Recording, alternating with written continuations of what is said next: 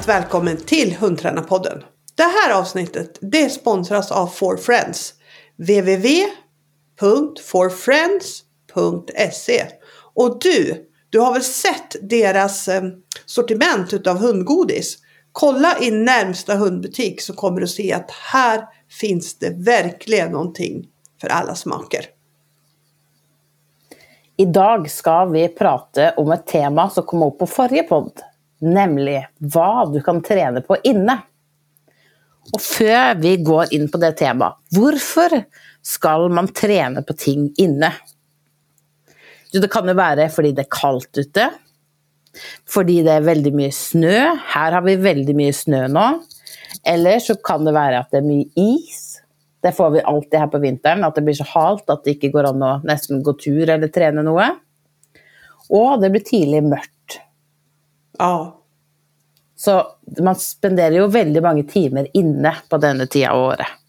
Ja, och vissa saker är faktiskt eh, redan i utgångspunkt bättre att träna inomhus än ute. Faktiskt. Ja, för det var nästa punkt, för det finns ju också många andra grunder. För exempel att det är bättre att träna inne. Vad tänker du på då? Ja, men till exempel underlaget. Eh, att om du till exempel lär hunden läggande och sättande och sådär så kanske det inte är jättemotiverande om det är kallt, om det är hårt och buckligt, om det är halt. För man vill ju samtidigt när man lär hunden olika delar att eh, man ska skapa en bra känsla i de här delarna. Plus att eh, man har inomhus lite mindre störningar, vilket jag tycker är jätteviktigt när man ska jobba med saker som är väldigt tekniska. För då vill man inte i tillägg ha störningar, i varje fall inte i starten. Nej, då vill man att hunden bara ska koncentrera sig om vad den ska göra. Exakt. Mm. Och så är det ju en enda en fördel med att träna inne. Du får tränat mycket mer. Ja, den är ju strålande bra faktiskt. För vi pratar ju alltid om att köra en kampanj om du har något som du sitter fast med eller ska börja med. Och en kampanj, vad är det? Det är att man tränar på en sak tre gånger varje dag i tre veckor. Mm. Minst tre gånger varje dag. Minst tre gånger varje dag. Och tanken bak det här är att få så många repetitioner som möjligt i löpet av kort tid. Så ja. det behöver inte vara långa träningspass. Det håller liksom med fem repetitioner. Men hellre fem repetitioner fem gånger om dagen än hundra repetitioner en gång i veckan. Verkligen. För det här kommer ju att göra att du verkligen, verkligen kommer att få tryck framåt i inlärningen. Och jag tycker att du brukar säga en sak så himla bra och det är det här med eh, motivation. När kommer motivation? Ja, för här brukar jag säga att många, för exempel, ett exempel, jag hade väldigt problem med att hålla fast på en av mina vallar. Och det vill säga motivationen för att träna det var ju försvinnande liten. Helt till jag bestämde mig för, nej, nu ska jag köra en kampanj på detta. Alltså det var ren disciplin det var inte något göj att träna. Men genom att jag körde en kampanj på disciplin så fick jag ju progression. Alltså det gick framåt. Och då fick jag motivation. Så då ville jag plötsligt träna det hela tiden. För det gick ju så bra. Så i väldigt många tillfällen så måste man ha disciplin för att få progression som ger motivation. Ja, den tycker jag är jätteviktig att ha i bakhuvudet. För ska man vänta på motivation så får man ofta vänta alldeles på tok för länge. Ja, det är helt riktigt. Men eh, om man nu är, eh, tycker det här låter jättespännande och jätteintressant. Eh, vad ska man börja med? Hur många grejer ska man ta? Man ta en grej? Ska man ta två grejer? Ska man ta tre grejer? Och, och vad ska man ta? För vi kommer ju att brainstorma er här med ganska många saker som man kan göra. Men vilket ska man välja? Jag syns att det du sa förra podd med att när du har mycket att göra så lagar du en superenkel träningsplan. För då gör du alltid mer än du har bestämt dig för. Ja. Men planen är bara att du ska göra akkurat det lilla väldigt kort, för då får du det till. Och jag tror största grunden till att man mister lite motivation i träning är att man lägger så många planer att man inte klarar att följa det upp. Så därför, bästa tipset, välj kun en ting du ska köra kampanj på. Och så kan du självklart träna andra ting i tillägg om du vill, men det är kun den ena tingen som du måste träna. Ja, men eh, vad ska jag välja för grej då då? Det ska vi ge lite inspiration till eh, nu. Så mitt första tips till världens bästa ting att träna inne, håll fast. Ja. Alltså, apport är kanske en av de vanskligaste övningarna att få till i hundeträning.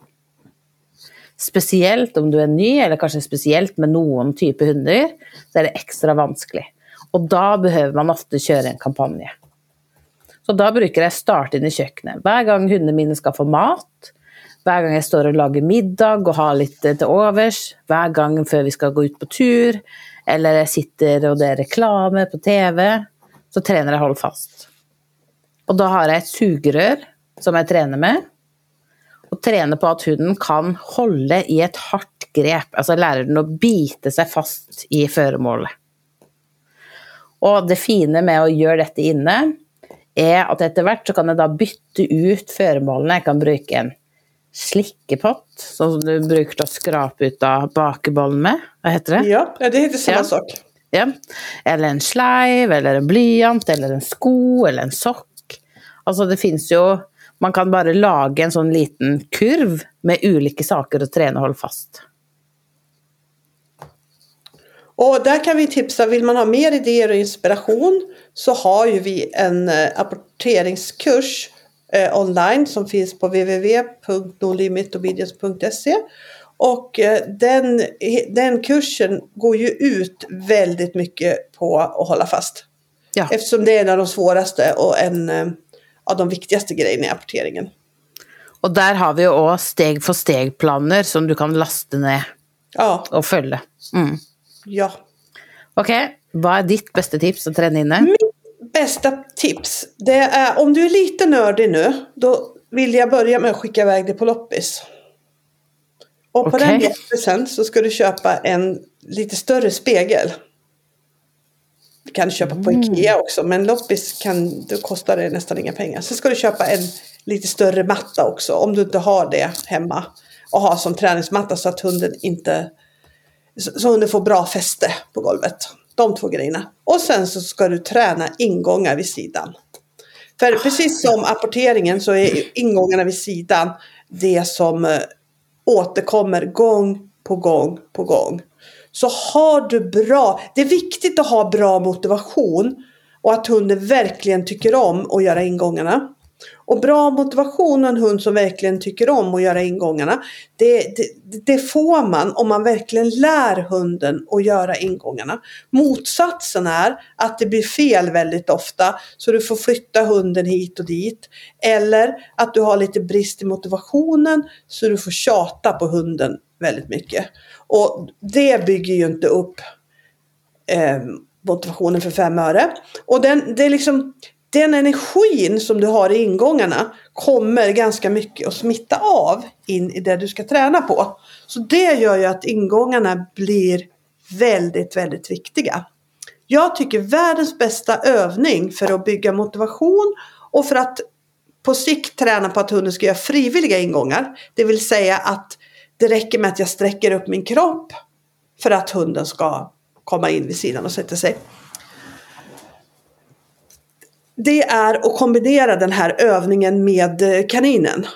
Kaninen är ju en checka-in övning där man, där man tar hunden så att hunden står med, man tar en godbit för hunden så hunden står med svansen vid ditt ben och huvudet bortvänt från dig. Och så rycker man bort handen. Och i starten så låter man hunden jaga ikapp godbiten. Man gör alltså ingen ingång. Utan först när man har bra tryck i kaninen och när hunden verkligen kastar sig tillbaka. Då kan man börja mixa. Att man kanske kör två kaniner, en ingång vid sidan. Två kaniner. Är är man lite nyfiken på hur det här ser ut så har vi ju faktiskt den här dagen vi spelar in det här avsnittet, vilket är den 14 december, så har vi ett inlägg på Facebook. När, nej! Nej, förlåt. Det är den 13 december. Då har vi ett inlägg på Facebook där det är en tjej med en mallevalp som tränar på det här. Så det kan du gå tillbaka och titta på om du vill se hur kaninen kan se ut i kombination med ingångar. Och spegeln är superbra för att du ska verkligen kunna se att, att hunden blir rak och att du inte ska behöva eh, böja dig för mycket över hunden eller, eller sådär då. Så ingångar är mitt nästa tips. Då är det din tur. Då ska jag ta den tredje tingen, för jag tänker det vi har sagt nu är liksom de tre viktigaste tingene. Och Tre? träna. Ja, det kommer den tredje nu då. De två viktigaste tingene, och så kommer den tredje. Bra. Men det håll fast, det är utgångsstilling, och den sista är bli. Ja, Altså stadga på svensk. Fordi hvis det er én øvelse som kommer veldig mange ganger i programmet, uansett sport, nesten, så er det bli. At hunden skal holde en posisjon. Og mange hunder kan jo lett, når det har gått en tid, begynne å gjøre andre saker enn å holde posisjon. F.eks. nose i bakken, glo på saker, skifte posisjon. Eller når det gjelder innkalling eller momenter under marsj, så får man jo lett at de flytter en tass. Og det jeg vil lære mine hunder, er når jeg plasserer deg i en posisjon, så skal du holde den posisjonen med alle tasser og tår. Og du skal ha fokus der jeg vil du skal ha fokus. Og det er jo perfekt å trene inne. Da bruker jeg dele det opp, så det første jeg gjør er å finne fram sjekklista til beste valpen. For inni den så har vi en hjemme alene-bingo. En ensam hemme-bingo. Hvor vi har skrevet opp, jeg tror det er ni ulike saker du skal trene på for å lære hunden din å være i en seng. For exempel at du går eh, ut døra og tilbake igjen. Att at du eh, nå, nå kommer jeg ikke på noe, for da har jeg ikke den foran meg. Men det var et veldig bra tips. I hvert fall, og hvis du ikke vil følge den, lag din egen bingo, hvor du skriver opp ni ulike saker du skal trene på. F.eks. ligge 30 sekunder mens du står stille. Ligge 15 sekunder mens du hopper opp og ned. Og så krysser du av. Du bare velger en hver gang du skal trene, og krysser av når du har gjort det. Det er i hvert fall en perfekt måte å gjøre blitreninga litt morsommere verkligen. Och man kan ju, jag, jag, min, min spontana tanke det är ju, det här kan man har du en valp, en lite mindre valp, då kan du ju börja det här på bädden. Mm. Och då, då är kanske inte kriterierna att hunden behöver vara blickstilla utan då brukar jag ha som kriterie fyra tassar ska vara kvar på bädden. Och det ger jättebra träning tills man ska börja träna på själva tekniken. Där hunden där man börjar planera för hur hunden ska hålla sitt huvud, hur den ska hålla sina tassar, vad den ska ha, hålla vikten och så här i, i momenterna. Då, och då, och, men, det kommer ju betydligt senare. Men om, det, här är så enkelt om hunden har grundkunskaperna i att stanna skulle jag vilja säga. Ja, Ja. Tenk så mange, så mange saker. F.eks. når vi trener fot, så deler vi det opp. Først så trener vi bare fokus, ikke posisjon. Hvordan gjør vi det? Vi trener baklengsmarsj. Ja, Så lærer vi en posisjon, så kombinerer vi de. Mens i fellesdekk så er det jo lett at man gjør alt på en gang. ja. Istedenfor som du sier, først så trener vi bare konseptet. Du skal bli på et begrensa område. Og når du forstår det, så kan vi begynne å trene teknikken. Og du skal gjøre det akkurat sånn her. ja. Og jeg tror liksom fordelen med å gjøre det her Hunden forstår bedre. Færre hunder kommer til å reise seg på fellesdekk. Og det blir morsommere å trene. Og det er jo sånn Jo morsommere noe å trene, jo mer gjør man det, jo bedre går det. Mm. Så, så akkurat det Kanskje det skal være en sånn utmanning for oss. Vi skal lage en, et eller annet hvor vi deler inn fellesdekk i så mange ulike biter som mulig. Ja, varför Ja, det- inte? För det här är ju, fällesdäck är ju någon, eller platsläggning och gruppmoment är ju någonting som eh, många har lite issues med. faktiskt. Og da kan vi òg tipse om Dette har vi jo prata om i en pod tidligere, kom Ja. på. Det har vi. Så den podden heter fellesdekk, eller gruppemoment. Gruppmoment tror jag den heter. Gruppmoment. Det var fra i sommer, så gå Det var från juli. Ja. Ja. Ok, da er det din tur. Tips. Vad ska jag ta? Men jag tänker så här, nu har vi ju tagit lite detaljer. Eh, det här är också en detalj, men det är en detalj i tävlingsprogrammet. Och det ska vara ingångar på planen. Där du ska Det göra... kan man jo ikke trene inne. Eh, jojomensan! Du värmer upp i ett rum och så kliver du in i ett annat rum. Och har du bara ett rum, ja men då kan du gå ut genom dörren, ställa dörren öppen en stund och gå in genom dörren och gå ett varv i, i vad heter det, ja vad, kallar man det för? Gå Men om du har en lägenhet, korridoren eller? Ja, sånn, ja. ja. ja. ja. Ehm, det här är jätteroligt att träna när man är hotell, på hotellrum. För där finns det också väldigt många, inte själv på själva rummet, men på hotellet finns det ofta väldigt många roliga ehm, ställen att göra det på. Faktiskt. Säger jeg jag jeg mycket. Jeg skal bo på hotell til helga. Da skal jeg trene det. Ah, ska, på Kläcken? Mm. Perfekt ställe att träna det på skulle jag säga. Perfekt. Eh, jo, och då, då, då ska du göra så här att du ska vara i ett rum. Eh, och där du ska förbereda dig då. Och så ska du göra ingång i ett annat rum. Och då kan du ju sätta någon liten markering där. Där startpunkten ska vara. Och då tänker jag att i allra första början så kan du bara träna på själva, in, själva liksom komma in och ställa upp. Men så fort du känner att det funkar, då ska du göra det um, att du blir inkallad liksom lite random utan att du vet. Har du någon eh, har du någon i familjen som kan ropa in dig så funkar det bra. Har du inte det då sätter du en timer som ringer. Och du ska gå in när timern ringer. Du ska inte hålla på och fippla efter då. För att det är ju en av de svårigheterna som jag såg nu när vi hade tävling senast. Att, att det är svårt när man inte själv får bestämma när man ska gå in. Och just det här när det blir väntetider innan man får gå in. Där tappar man lätt hundens fokus. Så där måste man lära sig. Vad ska jag göra för att behålla hundens fokus tills vi ska kliva över och tills att vi ska gå in då. Och, och, och igen, här är de här pauserna man behöver fundera och tänka på lite grann. Och jag tänker faktiskt, vi har ju en medlemsblogg som jag faktiskt ska göra ikväll. Och då ska jag skriva lite, tänker jag, om just det här, vad som händer på tävling. För jag såg så många ekipage. Eh, jag satt precis, jag, jag dömde en del av dag, den andra delen så hjälpte jag till med lite annat. Så då satt jag precis framför där folk värmde upp. Och det var så många som hade så fint fokus när de värmde upp. Sen när de kom in på planen så tappade de hela det fokuset. Jag tror många gånger att det beror på att det plötsligt blir väntetider när ingenting händer. Och om hunden och människan inte vet vad de ska göra eller inte är vana vid det här. Då är det väldigt, väldigt förödande på tävling. Alltså det gör att man tappar hunden. Och vad händer när man tappar hunden? Jo, man får panik. Och vad händer med att man får panik? Man börjar tjata. Och vad händer när man börjar tjata? Jo, den man tjatar på den kopplar bort. För det är så det funkar när man tjatar. Altså, det her var himla bra tips. Ja, Ja.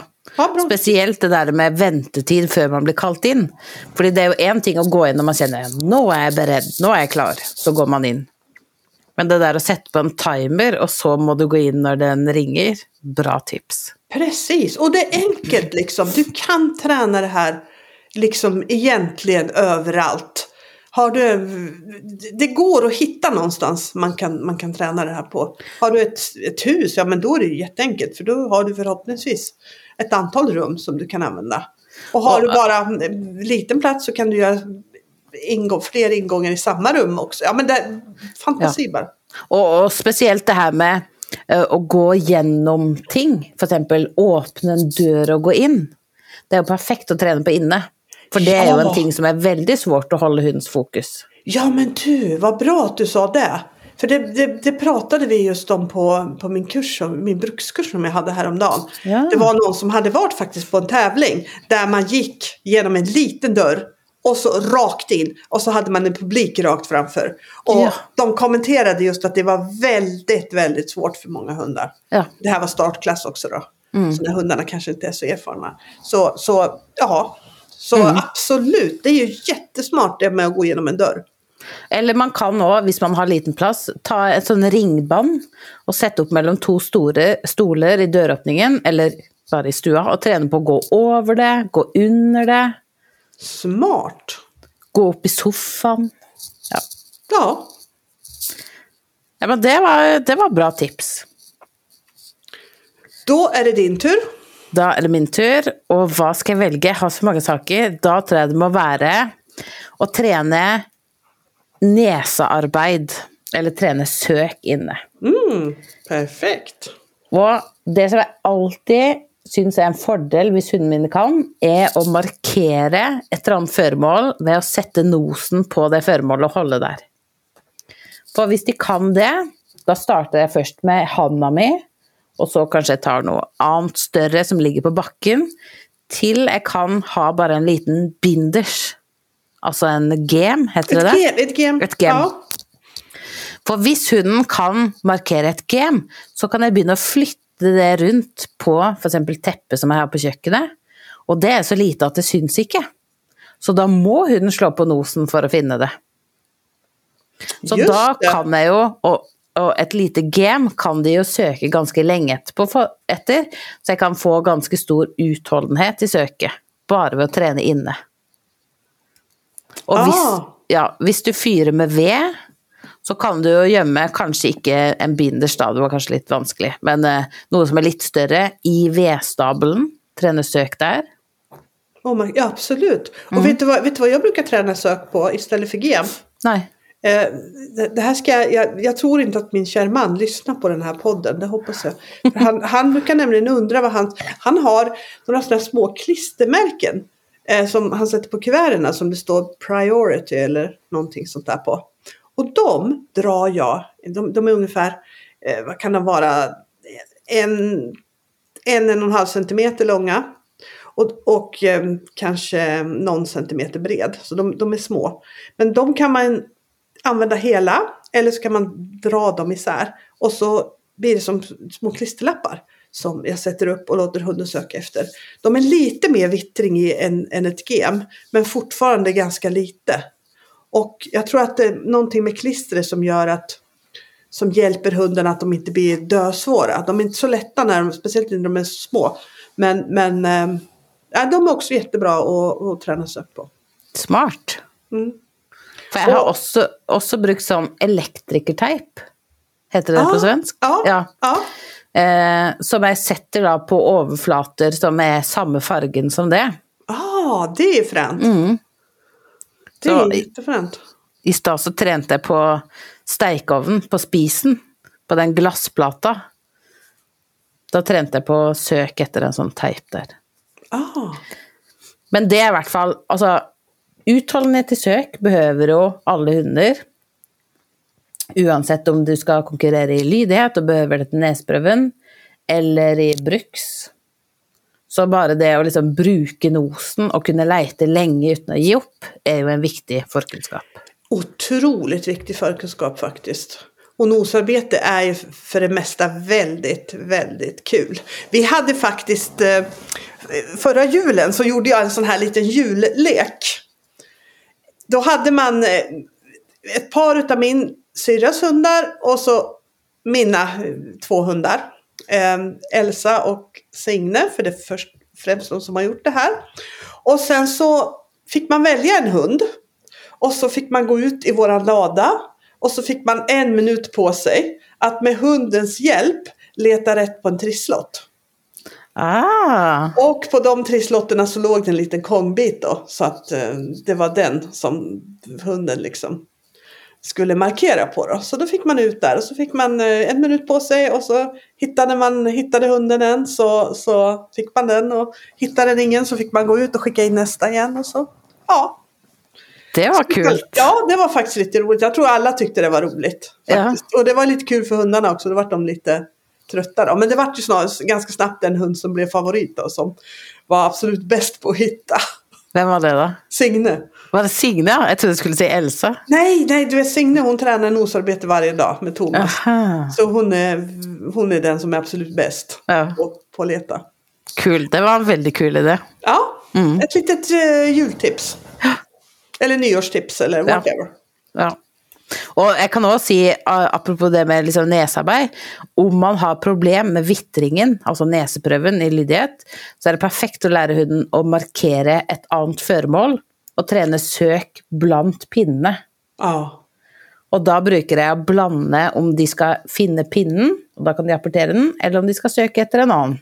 Men de må konsentrere seg, for de vet ikke hva som er der. Just det. Och det är ofta det som är problemet med, med, med, med vittringen. Att många hundar har för mycket tanke på att apportera. Och, och man behöver få in dem på mer söktanke. Och då är ju sådana här såna övningar helt perfekt. Bra. Din tur. Då skulle jag säga så här att man kan inne också börja jobba på en liten startrutin. Om vi fortsätter på tema ingångar och tävling. En startrutin det är ju någonting som man gör innan man går in på plan. Och det här behöver ju vara någonting som inte är så platskrävande som man kan göra ganska snabbt och ganska enkelt. Och det måste vara någonting som hunden kan väldigt väl. Och det- det ska vara någonting som man kanske gör eller som man ska göra varje gång innan man går in på plan.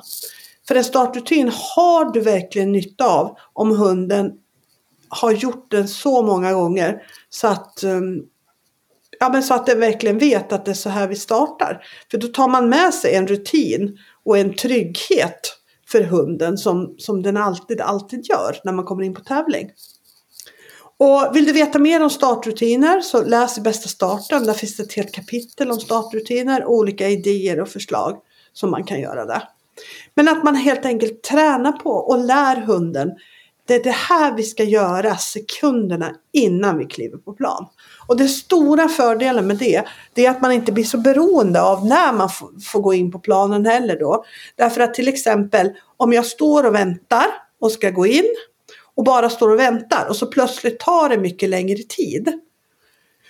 Om man inte vet vad man ska göra där, då är det ett sånt läge där man också väldigt, väldigt ta- lätt tappar hunden. Om jag märker att det tar, jag har ställt upp hunden för min startrutin, för jag brukar ställa upp den kanske lite innan, men märker jag att det tar lite tid, ja men då tar jag ur hunden ur startrutinen. Kanske går en liten promenad med den till, för jag vill, jag vill väldigt sällan stå helt stilla och vänta. För det är det svåraste för de flesta hundarna att göra ingenting och vänta. Ja men då kan jag gå en liten sväng, hålla lite koll tillbaka. Um, sätter hunden för, för min startrutin igen och sen gör startrutinen och så går in då. Så det, man blir mycket mindre beroende när jag tycker en startrutin ska vara något som är väldigt enkelt att starta om också som du bara på några sekunder kan göra. Och som du kan göra där det finns lite plats. För så är det ibland, speciellt när man tävlar inomhus. Så kan det ju vara jätteliten plats du har att göra rutinen på då. Vad har Det- du för startrutin för Jan-Ove? Jeg har eh, på, Jeg tror egentlig jeg har hatt på alle mine hunder at jeg kamper med en eh, leike. Sier loss, legger den på bakken. Hunden skal gjøre en frivillig inngang, så går vi inn. Ja. Fordi jeg kjenner at jeg kan ikke bare stå stille og vente når det er min tur, så da bruker jeg ofte å leke med mine hunder. De får henge i en lekesak. Ja. Og så vil jeg, eh, vil jeg at de skal lære seg Hvis jeg legger noe på bakken, ok, glem det. Følg med meg, så får du noe bedre etterpå. Mm. Så, så det är min startrutine. Vad har du då? Jag, jag har också egentligen bara att eh, hunden har hängt i en leksak. Och så när jag lägger så, så ger jag den till någon. Jag gör rörelsen att jag låtsas slänga den under armen. Den, den har egentligen ingen betydelse så att hunden tror att den är där eller något sådär. Men det är bara en rörelse som jag gör och det betyder fot i, i innehåll. Håll fokus du. Men ja, det, jag, det jag har upptäckt på sista tiden är att om det startar med lite lugnare moment. Eller om som på sista inomhustävlingen när jag inte kunde värma upp så himla mycket. Då blev han lite för het av den startrutinen. Så jag håller på att moderera lite och gör om den. För jag behöver ha någonting som är lugnare i starten så, så att han, han hamnar i, ett, i en lite lugnare känsla. Mm. Ja, för det är ju också för exempel i brukset då, så har man ju, lydigheten är ju en ting, men för exempel när jag ska in till fältsöket, då har jag en annan startrutin. Ja. Fordi da er det akkurat som du sier, da vil man ha hunden i et modus som passer til det vi skal gjøre. Og jeg vil forklare for min hund nå er det dette vi skal gjøre. Så ja. vi skal inn til upplettene, altså feltsøk, så jeg ham en del av båndet som han holde fast, levere på, i min hånd, og så får han en belønning, og så går vi inn. Ah. Og da vet han ok, nå er det upplettene. Har du noen på søket også? Eh, foreløpig så har jeg bare at jeg tar på halsbåndet med rullen på, og dekkene, og så sier jeg 'nå er det runder'. Ja. ja. Det er min rutine der. Ja. Og på sporet så har jeg at jeg legger ut en liten sak de får søke bitte litt etter å markere, og så går vi til sporet. Ja. Mm. Ja men det är superbra, det hjälper hunden snabbt in på rätt tanke. Och det hjälper en själv också i och med att man alltid vet vad man ska göra då. Istället mm. för att när man inte vet, det är ofta då det blir Att lite man tokigt. gör konstiga saker. Ja. Men vad har, vad har du på söket? På söket har jag eh, att jag gör en skallmarkering på mig själv. Ja. Det får jag göra en bit från rutan, det kan jag inte göra precis när jag kliver över. Men, men liksom, så nära som det går så gör jag det. Och på spåret då i IGP?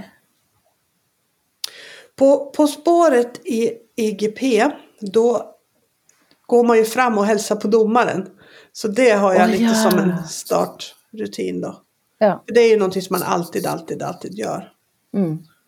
Faktiskt. Men nu har jag lust till mitt nästa tips. Ja, kör! Fjärr avståndskommandering. Är den mm. perfekta övelsen att träna på inne. Fordi hvis det er en øvelse som krever mange repetisjoner, så er det akkurat den. Ja. ja. Helt enig. Og spesielt det der med å få rett teknikk, at hun skal forstå Du skal holde tassene stille mens du gjør disse rørelsene. Og en ting som jeg har lært av deg, eh, er Man kan jo liksom legge til rette og hjelpe hunden, men det tar Du må liksom holde på ganske lenge for at hunden til slutt skal forstå Aha, det er dette du vil. Det fins liksom ingen quick fix for å få fram rørelsene. Og at hunden skal forstå at den skal være stille samtidig. Så der igjen, kjøp en yogamatte, eller ha et annet underlag hvor hunden ikke halker, og begynn å trene på én, at hunden kan stå stille med alle tasser. Og to, at hunden kan begynne å skifte vekta bakover. For hvis den kan skifte vekta bakover, spesielt om du skal ha fjær med låste baktasser, så har du liksom begynnelsen på både ligg og sitt. Som jeg syns er de to svåreste skiftene. I tillegg til å trene teknikk, så kan man trene størninger. Og en ting som du alltid gjør med dine hunder, som ser veldig imponerende ut, det er at du står bak hundene mens de gjør en fjær. Just det. Det krever jo at hunden virkelig kan rørelsene uten noe hjelp, og at de er flinke til å høre etter. Ja. Och det är ju perfekt att börja träna på inne. Ja, det är det verkligen.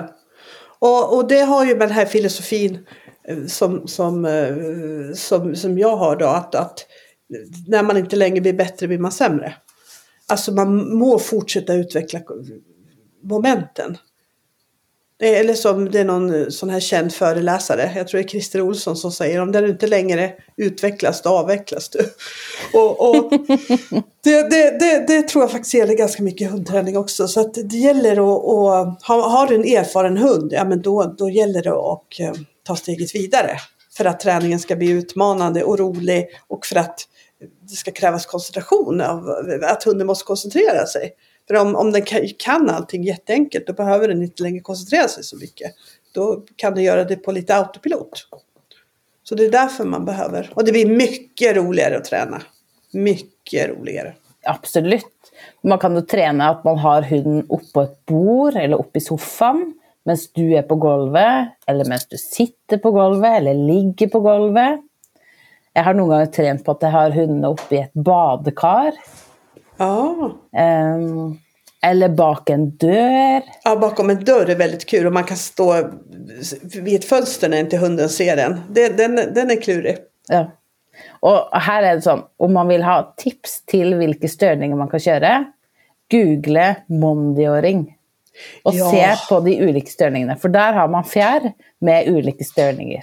Ja, det är helt sjuka grejer ibland faktiskt. Hundarna är Mm. Men- men- verkligen, verkligen duktiga. Ja. Ja. Det är bra för att få liksom tips. ja, det tycker jag var ett superbra tips. Mm. Jag har faktiskt inte tänkt på så. Om inte du har något mer att säga så har jag ett sista tips som jag bara måste säga. Eller har du, en... Jag har en lång, lång lista till. Men jag kanske, jag kanske, vi, jag kanske, vi kanske ska ta det lite. Vi, vi behöver inte ta alla, men jag, jag vill ta en till först. Och jag till. hoppas att det är samma tips som du har. Ja, vi får se. Eh, uppletande. Tänker Ja, jag. det hade jag inte tänkt att se. Mm. Nej, utan att, att man lär hundarna plocka upp. Eh, man, man lägger ut flera föremål och man lär hunden hela tiden plocka upp det som är närmast. Smart. Och, och det har du ju nytta av. Dels att hunden ska ta upp saker, komma in med det och sen gå ut igen. Det handlar ju, upplettande handlar ju mycket om det. Och då kan man ju i början belöna varje. Sen kan man ju bestämma sig att du ska plocka ut två innan du får belöning. Nu ska du plocka upp tre när du får belöning. Nu ska du plocka upp fem innan du får belöning. Så att det, det också blir ett, ett känt mönster. Sen kan man ju också öva på att hunden ska passera ett föremål. Eh, det vill säga att du slänger ut ett föremål. Eh, eller som du brukar göra, såg jag på nätet där. Att du, du brukar ge hunden ett föremål. Och så låta hunden komma in och så droppa ett föremål när hunden är på väg in. Ja, Jag du brukar- menar att den inte ska byta? Exakt. Ja, ja. Mm. Eller eh, jag brukar bara göra så att jag sätter, kastar iväg ett föremål, sätter mig på golvet, lägger ett föremål ganska nära mig själv. Så när hunden kommer så ser den det föremålet. Försöker den byta då, då täcker jag över det med, med mitt ben eller min hand. Och så får den ingenting och så gör vi bara helt enkelt om då.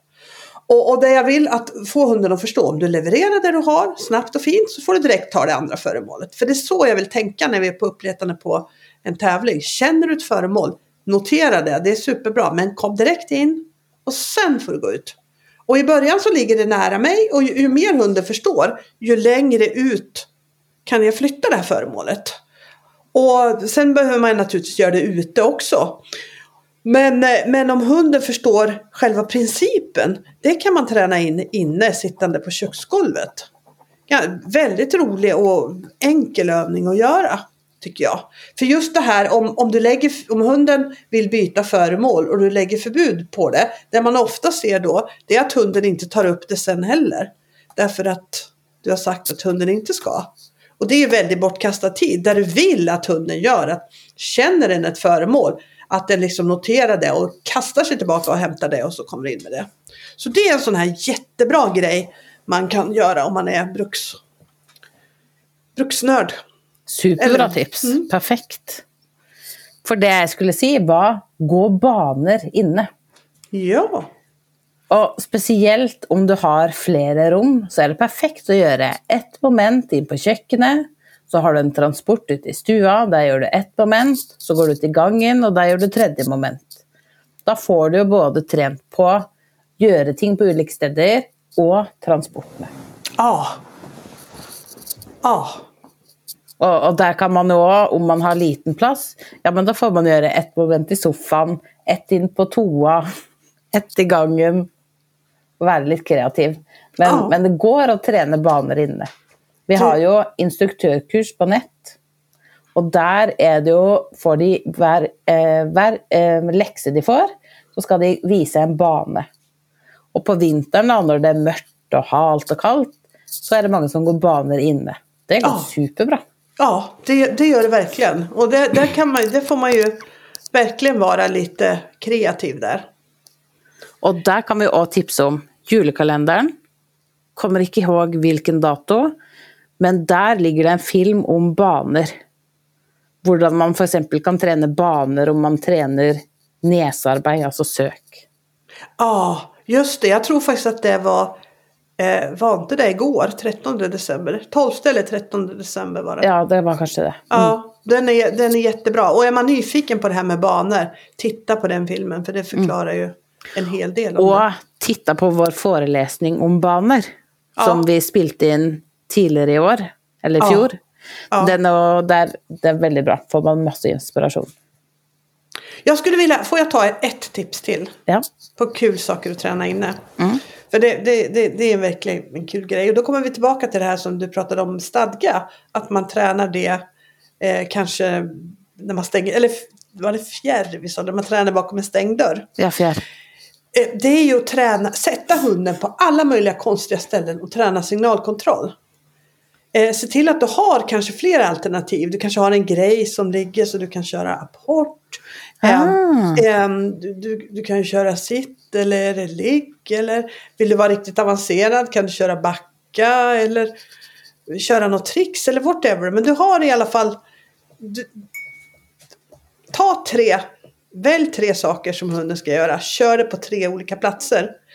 Eh, gör, olika, gör en sak på varje plats. Och ha som mål att du ska klara det på första försöket. Det här är riktigt svårt. Det, det, här kräver att du på allvar har signalkontroll. Alltså. För då, hunden får ju ganska lite ledtrådar om vad du ska göra. Och, och speciellt när du varierar mellan, mellan, mellan olika saker. Det här är mycket enklare om du gör samma sak. För liksom, det man gör, det, det påminner ju hunden om vad den ska göra. Har du gjort det en gång så har de ju lite grepp om vad de ska göra. Men när du kommer på tävling så är, ju det, är det ju så här att du ska in, göra på olika platser och göra det på första försöket. Och det som man själv lär sig av de här övningarna, det är kanske hur mycket, hur mycket träning det krävs från, det hade vi en liten diskussion. Vi har en grupp som heter VIP-gruppen för instruktörer. Och det, det, där kan man gå med om man använder vårt kursmaterial på kurs. Där hade vi en liten diskussion om det här när hunden verkligen kan. Och, och, och där tänker jag liksom att från att hunden kan det till 80 procent, det vill säga att den gör rätt 8 gånger av 10, till att hunden kan det till 100 procent. Det i inlärning kanske är den svåraste och tuffaste vägen. För de flesta hundarna kan det inte till 100 procent. Eller man kanske inte kan komma exakt till 100. Men vi, vi, för säkerhets skull säger vi väldigt, väldigt nära till 100. Alltså, jag blir så inspirerad av att prata med dig att nu måste vi bara lägga på så jag kan ut och träna. Ja, vet du att jag tänkte säga precis samma sak. Helskotta vad bra det är att bara prata om det så här. Ja. Så jag kom på plötsligt massor med... Ja. Och, och, det här är ju liksom ingenting som för, för någon av oss egentligen är nytt. Men man behöver bli påmind om det och man behöver komma ihåg. Och vet du vad som kommer att hända? Om du från och med nu tar en grej som du jobbar med inne och kampanjar. Vad tror du då kommer hända i april, maj när tävlingssäsongen startar?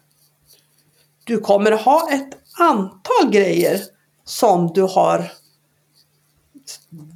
helt säkert markant förbättrat och du kommer ännu bättre förberedd till säsong 2024.